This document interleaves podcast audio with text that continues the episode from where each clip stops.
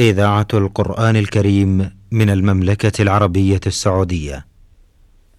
دروس في العقيدة الإسلامية. برنامج من إعداد فضيلة الدكتور صالح بن عبد الرحمن الأطرم. تقديم يوسف العقيل. بسم الله الرحمن الرحيم، الحمد لله رب العالمين.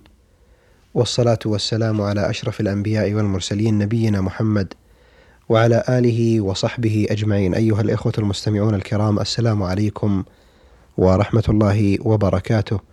وحياكم الله إلى لقاء مع برنامج دروس في العقيدة الإسلامية. ومعنا فضيلة الشيخ صالح بن عبد الرحمن الأطرم عضو هيئة كبار العلماء. في مطلع هذه الحلقة نرحب بفضيلة الشيخ. حياكم الله وبارك الله بالجميع نعم. إخوتنا المستمعين الكرام لا يزال الحديث موصولا في باب الشفاعة وفي آه، آخره آه، قد ضمن الإمام الشيخ مؤلف هذا الكتاب العظيم كتاب التوحيد الذي هو حق الله على العبيد. هذا الحديث لأبي هريرة رضي الله عنه وفيه من أسعد الناس بشفاعتك. قال من قال لا إله إلا الله خالصا من قلبه. في مطلع هذه الحلقة فضيلة الشيخ بودنا أنه تتحدثون حول هذا الحديث العظيم حديث أبي هريرة. من أسعد الناس بشفاعتك؟ بسم الله الرحمن الرحيم. الحمد لله وصلى الله وسلم على نبينا محمد وعلى آله وصحبه أجمعين. هذا حديث عظيم وقاعدة جليلة ووسيلة إلى رضا الله سبحانه وتعالى. ووسيلة إلى محبة رسوله واتباعه. وفيه بيان حقيقة لا إله إلا الله وأنه لا ينفع النطق بها بل لا بد من الإخلاص من الإخلاص والعمل بمقتضاها لأنه قال عليه الصلاة والسلام أسعد الناس من قال لا إله إلا الله خالصا من القلب يعني أسعد الناس بشفاعته. نعم. ولأن الشفاعة لأهل لدخول الجنة لا تكون إلا لأهل التوحيد لأهل لا إله إلا الله. هذا هي التي تكون لهم الشفاعة. ولهذا قال عليه الصلاة والسلام أسعد الناس بها من قال لا إله إلا الله خالصا من قلبه. وفيه دليل على أن شفاعة الرسول عليه الصلاة والسلام في هذا الموقف العظيم في دخول الجنة ورفع في دخول الجنة. نعم. هذا الموقف المآل الناس إلى هذا الموقف إما النار وإما الجنة. وفيه دليل على فضل متابعة الرسول عليه الصلاة والسلام وتحقيق التوحيد حيث علق آه، السعادة آه، بشفاعته بهذه الكلمة العظيمة التي هي تزن الدنيا وما فيها وهي قول لا إله إلا الله لدلالتها على وحدانية الله والإخلاص بها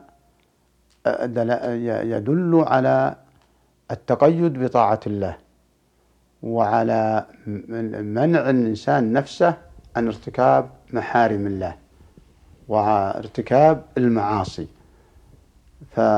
ففيه التحذير من الانطلاق إلى المعاصي وهو يقول لا إله إلا الله. فإنه فإن كانت شركا أبطلتها نهائيا. أبطل الشرك لا إله إلا الله. وإن كانت معاصي مع براءته من الشرك فهي تعرضه للعقاب إلا أن يعفو الله آه، عنه بالتوبة النصوح. فلهذا قال من قال لا إله إلا الله خالصا من قلبه وتفيدنا كلمة خالصا من قلبه فائدة عظيمة. أن النطق بها لا يفيد بمجرد النطق. لا يفيد. بدون الاعتقاد. بدون اعتقاد. بدون اعتقاد معناها وهو لا معبود بحق إلا الله. ف ومن أراد شفاعة الرسول عليه الصلاة والسلام مما تفيده هذه العبارة فليخلص لا إله إلا الله. بمعنى لا يتعلق بغير الله لا يتعلق بالأنبياء فيقول اشفعوا لي. ولا يتعلق بالصالحين فيقول اشفعوا لي. ولا يتعلق بأي مخلوق.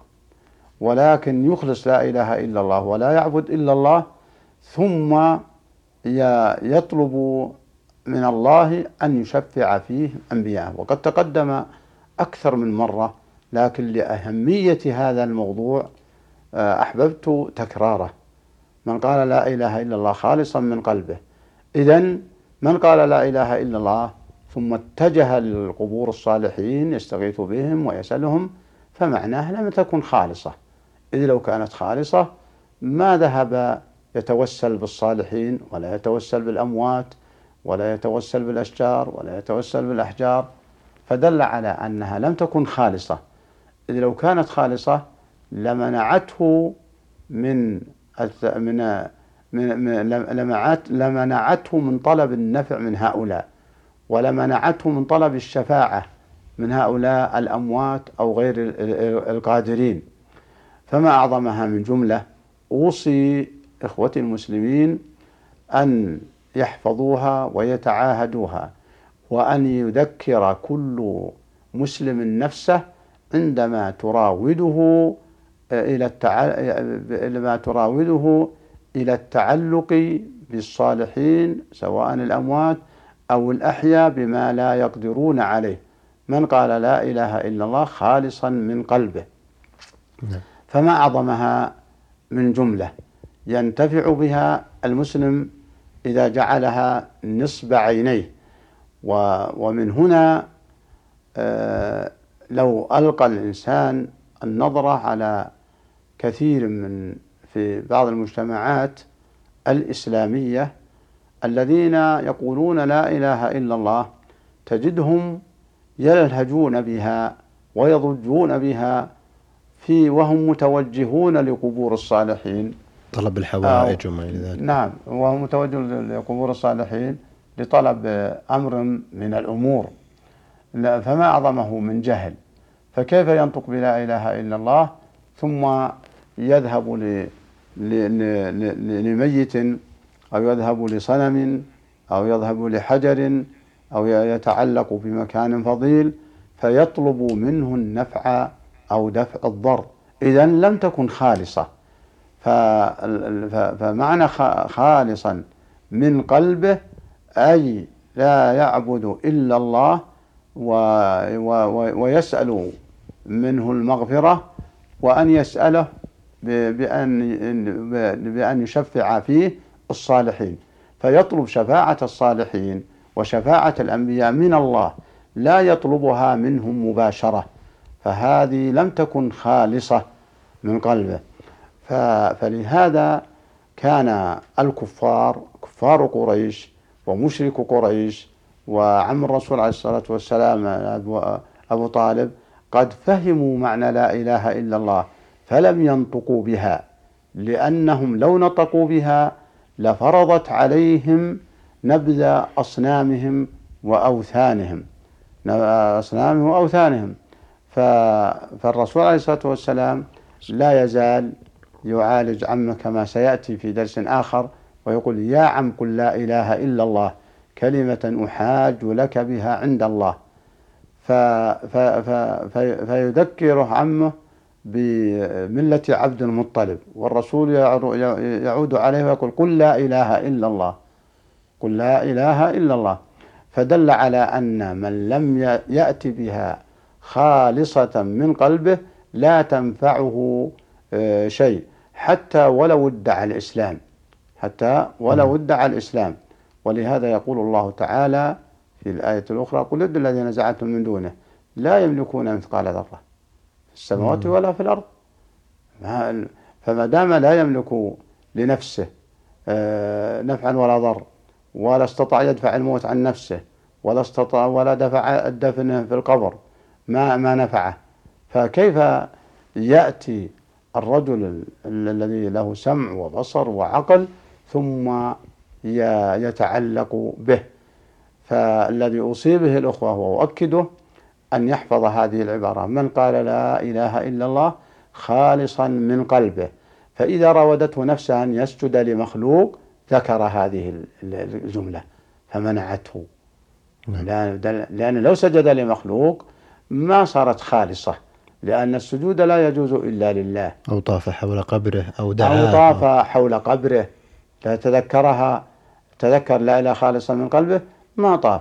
ولا ذبح تقربا للأشجار أو للأحجار أو أو أو لتعظيم مخلوق حتى ولا لتعظيم مخلوق نعم. بمعنى أنه يأتي بالذبيحة ثم يذبحها عنده ويسفك الدم تعظيما لهذا المخلوق أو لهذا الزائر.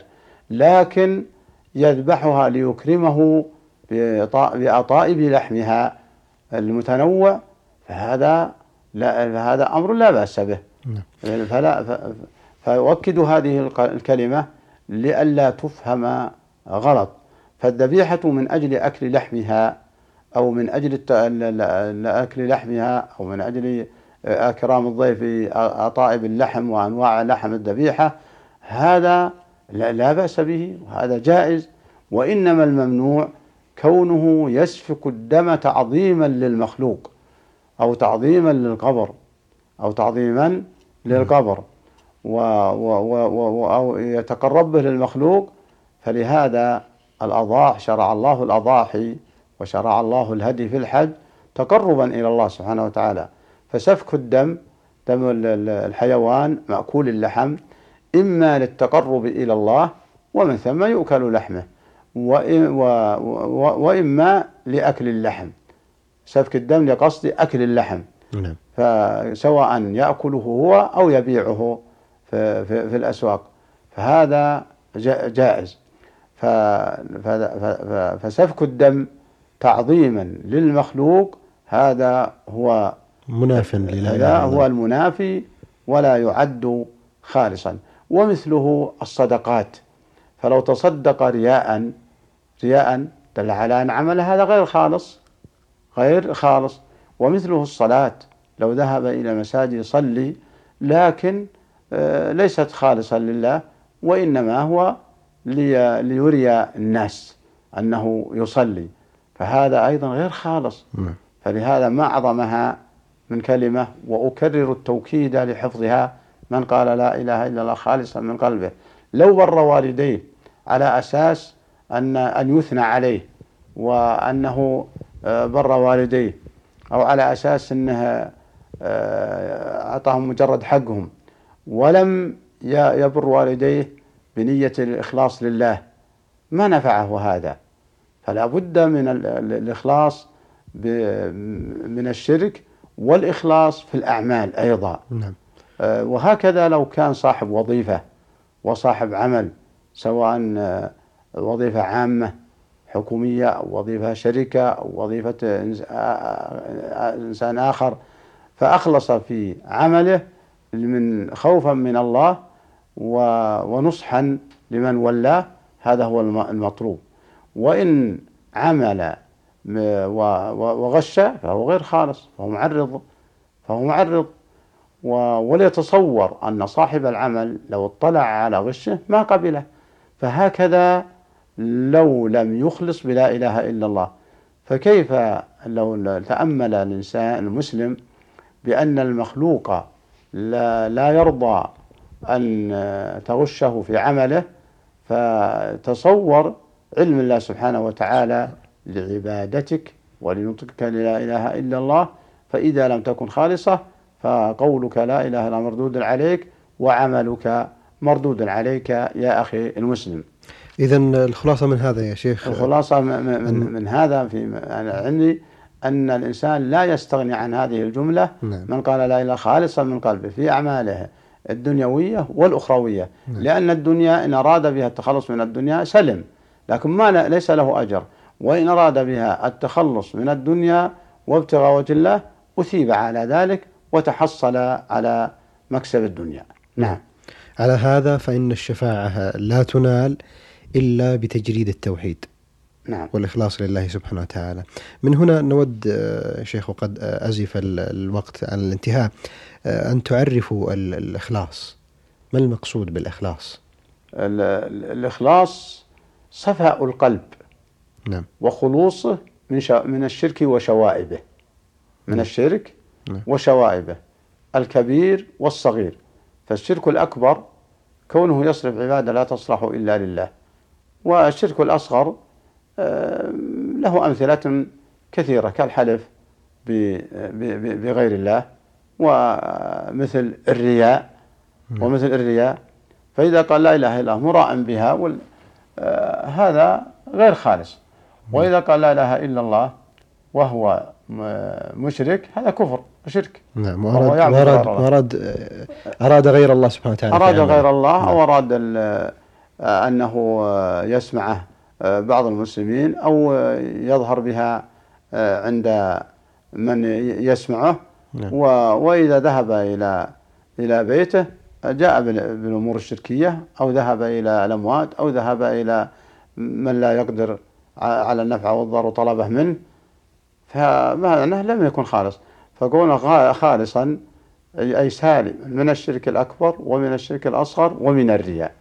نعم. لقوله تعالى فمن كان يرجو لقاء ربه فليعمل عملا صالحا ولا يشرك بعبادة ربه أحدا. فلنتأمل هذه الآية ويجعلها مسلم بنصب عينيه ويسلم ويكون قد حقق هذا الحديث ويسلم من الشرك وشوائبه. فما أعظمها من آية. نعم. بارك الله فيكم وفي علمكم فضيلة الشيخ. أيها الإخوة المستمعون الكرام نتقدم في ختام هذه الحلقة. بالشكر الجزيل لفضيلة الشيخ صالح بن عبد الرحمن الأطرم عضو هيئة كبار العلماء على ما بين ووضح. ونسأل الله سبحانه وتعالى أن ينفعنا بما علمنا وأن يعلمنا ما ينفعنا. إنه سميع مجيب. نستودعكم الله مستمعينا الكرام وإلى لقاء قادم بإذن الله تعالى. حتى ذلكم الحين. آه، سلام من الله عليكم ورحمته وبركاته. دروس في العقيدة الإسلامية. برنامج من إعداد فضيلة الدكتور صالح بن عبد الرحمن الأطرم. تقديم يوسف العقيل.